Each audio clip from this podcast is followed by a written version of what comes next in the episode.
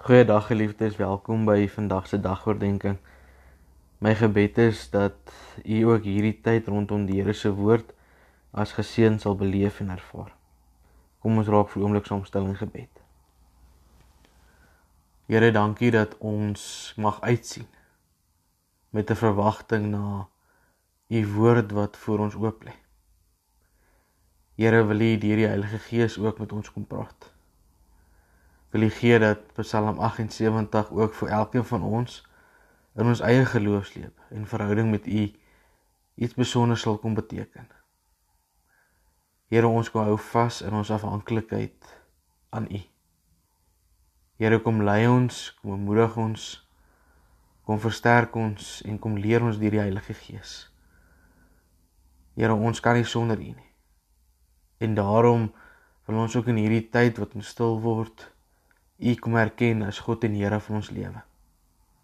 Seën ons en praat U self met ons. Ons bid dit in U naam alleen. Amen.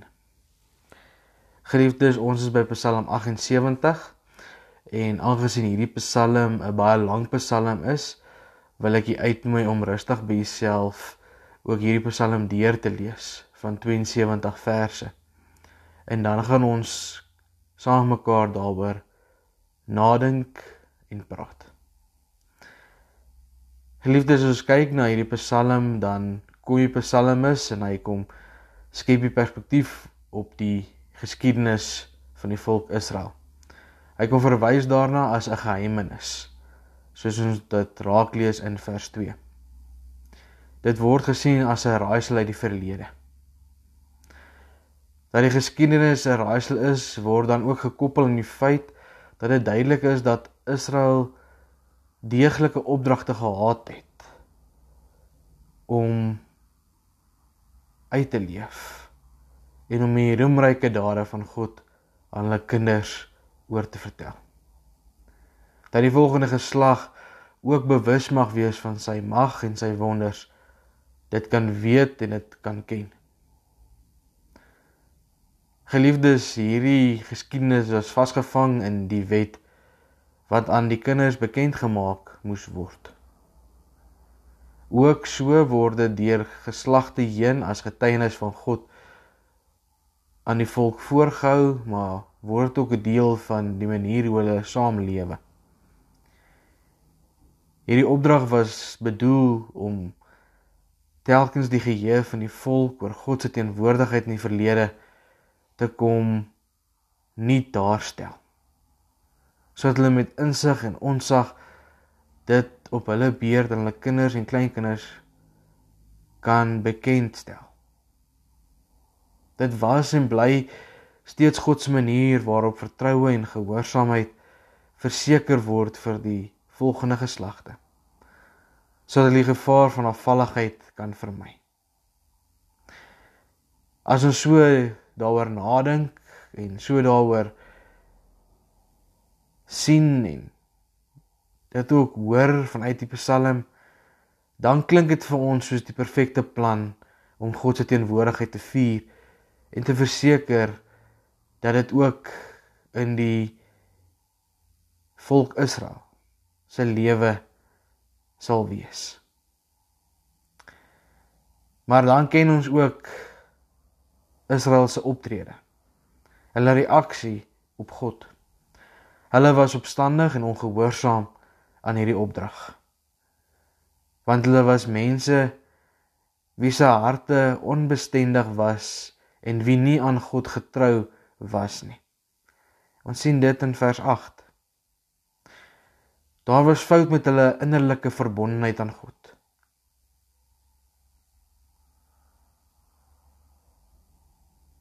Omdat hulle in hulle verhouding met God nie verbonde gebly het nie, geweier het om te lewe soos hy hulle geleer het en vergeet het om sy werke en wonderdade raak te sien en dit oor te vertel van geslag tot geslag het dit 'n uitwerking ook in hulle gemeenskaplike lewe mekaar gehad. Hulle het gevlug in die gevegte van hulle vyande. Ons sien dit in vers 9 en 11 hoe die Psalm digter dit ook vir ons na vore laat kom. Al was die volk Israel goed gewapen en bedrewe met die boog, kon hulle nie staande bly in die oorlog nie weens hulle onbestendigheid. En geliefdes, dit is dan nou veral die raaisel as ons kyk na die geskiedenis van Israel. Hierdie optrede, hierdie uitvloeisel van die opdragte wat God hulle gegee het, behoort nie so te gewees het nie. Nie met 'n volk wat vir so 'n wonderlike wyse deur God begenadig is nie. Vir wie hy die perfekte plan gegee het en vir wie hy op soveel wyse gesorg het deur wat ook al ons gegaan het. En so kom herinner die Psalm ons verder. En sien ons in die eerste plek dat daar 'n eerste herinnering is en later 'n tweede herinnering. Die eerste herinnering oor die valse bekerings wat niks verander nie. Vers 12 tot 39. Dit is 'n lang lys van gebeure wat iets kom beskryf van dit wat in die woestyn gebeur het. Dit kom vertel vir ons van God se versorging. Met die wonderbaarlike trek deur die Rooi See. Die leiding deur die wolk bedags en die lig van vuur snags. En die gawe van water in die woestyn. Maar in plaas daarvan dat hulle ehm um, God eer hiervoor het hulle in opstand gekom teen die Allerhoogste. Hulle het gevra vir vleis en brood na hulle smaak. Dit het God se toring teen hulle laat ontbrand omdat hulle nie in God geglo het nie en nie op sy verlossing vertrou het nie. Daarom het God hulle gestraf met te veel brood en vleis. En dan sien ons dat daar in hulle gulsigheid, hulle gulsigheid wat eintlik geen perke geken het nie, het God jy sy toring op hulle getref.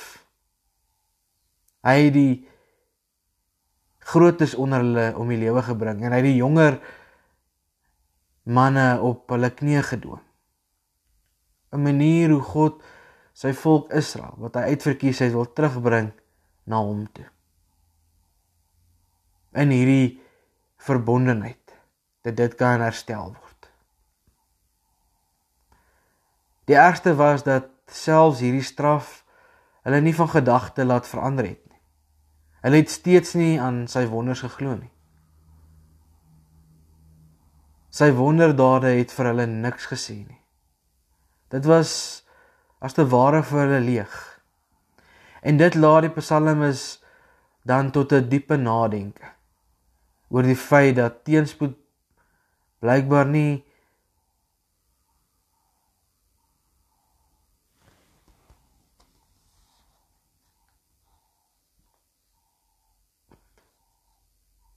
dat hierdie teenspoed nie die gewenste uitwerking het in mense se lewe nie. Daar is die aanvanklike terugkeer na die Here toe as daar 'n slagting is. Maar so 'n bekering is te maklik vals. Dit kan so vinnig net skyn wees om net oor en verby te kry. Al is God genadig en al vergewe hy vir al die mense. Omdat hy weet dat hulle maar mense is wind wat verbywaai en nie weer terugkom nie baar dit tog die mense niks nie. Hulle kry dit nie van self reg om van binne af aan God verbind te bly nie. Dit bly 'n struikeling vir die volk. Maar dan die tweede herinnering oor God se keuse van Dawid, die een met die opregte hart. Vers 40 tot 72. In 'n verdere lys van historiese gebeure kom vertel die psalmis die verhaal van Israel verder van Egipte tot in Kanaan. Ons sien onder andere dat hy kom klem lê op God se versorging. met die magtige pla in Egipte. Waarvan hulle nie net beskerm is nie, maar waardeur hulle verlos is van die verdrukking van Egipte. Hulle is soos 'n kudde skape veilig uitgelei terwyl hulle vyande deur die Rooi See oorweldig is en uiteindelik in 'n land ingebring is waar hulle vyande voor hulle uitgedryf is. Maar hulle het weer eens in opstand gekom teen die Allerhoogste. Ons moet dit raak sien, die diere vrein van die Israeliete. God wat genadig is, wat na hulle uitreik, 'n verhouding met hulle wil hê, hulle wil kom herstel en Israel wil daarop reageer deur in opstand te kom. Hulle was so vals soos 'n onbetroubare wapen wat die Here vertoon het. Daarom het hy hulle gestraf. Weereens 'n refrein van die eerste herinnering soos ons aan die begin gehoor het. Hy het hulle gestraf deur hulle die onderspit te laat delf in die oorlog by Silo. En die ark. Hy het hulle in ballingskap laat wegvoer. Daar is nie sprake van die volk wat hier in ballingskap weggevoer is nie, maar wel van die ark. En die ark is belangrik want die ark het die teenwoordigheid van God vir die volk om bevestig. En daarom is dit belangrik om hiervan kennis te neem en dit raak te sien. Soos wat die toedrag van sake aangegaan het, laat die psalmis dit weer laat lyk dat hy op 'n punt kom van diep nadenke. Dat hy besef dat hierdie verhaal in verlede wat regtig hoop kan bring nie werklik so gesien word nie. Dit was asof die Here skielik uit 'n slaap wakker geword het en besef het die oplossing lê in die keuse van 'n jong seun. Dawid, die een met 'n opregte hart wat net sy volk met vaardigheid van hande sal lei nie maar wat ook die volk in 'n intieme verhouding met God sal oppas. Dit wat ons in die begin van gehoor het, 'n verbondenheid in God gaan op die einde van die dag kom herstel word in 'n jong man, Dawid. Een wat opreg is van hart en wat die volk gaan help om in 'n intieme verhouding met God opgepas te word.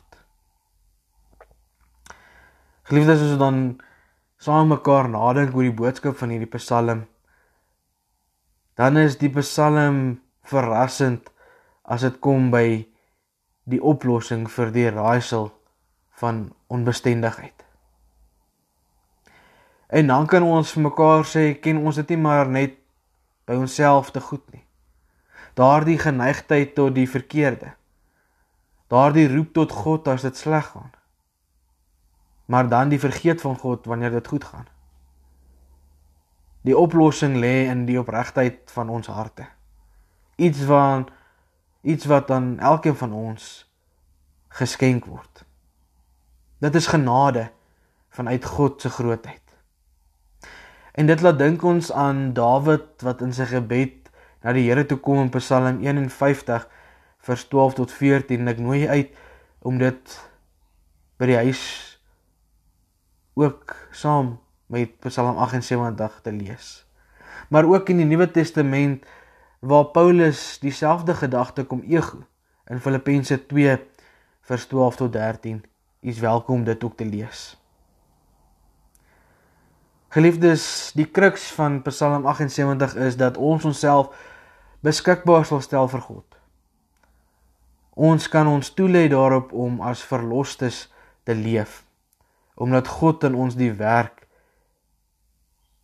juis begin het en hy die onbestendigheid kan wegneem en aan ons 'n rein hart kan skenk. Ons kan in hierdie intieme verhouding met God staan omdat hy dit vir ons moontlik maak. Dit wat tussen ons en God staan, kan hy tot einde bring. Maar dit gaan van ons vra om in hierdie onbestemdigheid af te sien daarvan en met 'n rein hart en in verbondenheid met God te gaan lewe elke dag as verlosters omdat God dit vir ons moontlik gemaak het. Mag ons in Psalm 78 ook hierdie troos en hoop vind om te weet al draai ons af van die pad en die plan wat God vir ons het, sal hy deur sy genade ons ook daartoe terugbring. Amen. Kom ons bid saam. Here ons God, as ons deur hierdie Psalm lees, dan besef ons net u grootheid, u liefde en u genade vir u volk.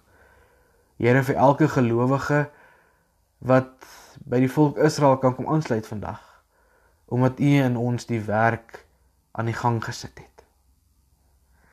Here, hoe ideaal hierdie plan ook in die begin van die Psalm geklink het, weet ons dat deur Israel se geskiedenis, maar ook ons eie lewe vandag, ons ongehoorsaam is en ons soveel keer met ons optrede en lewe in opstand met U gaan.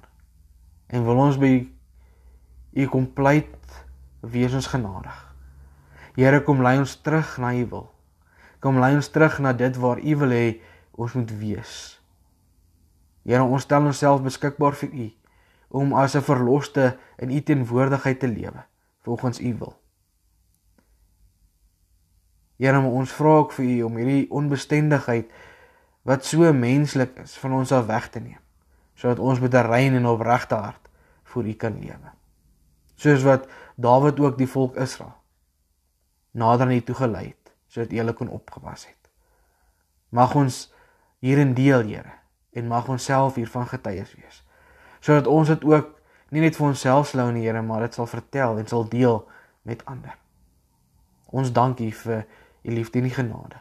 Dankie vir u hand wat ons dra vandag en elke dag. Ook in hierdie moeilike en uitdagende omstandighede waar ons is. Here gee aan ons die vertroue om aan te hou hoop op u vir uitkoms. Ons bid en vra dit in u groot heilige en almagtige naam.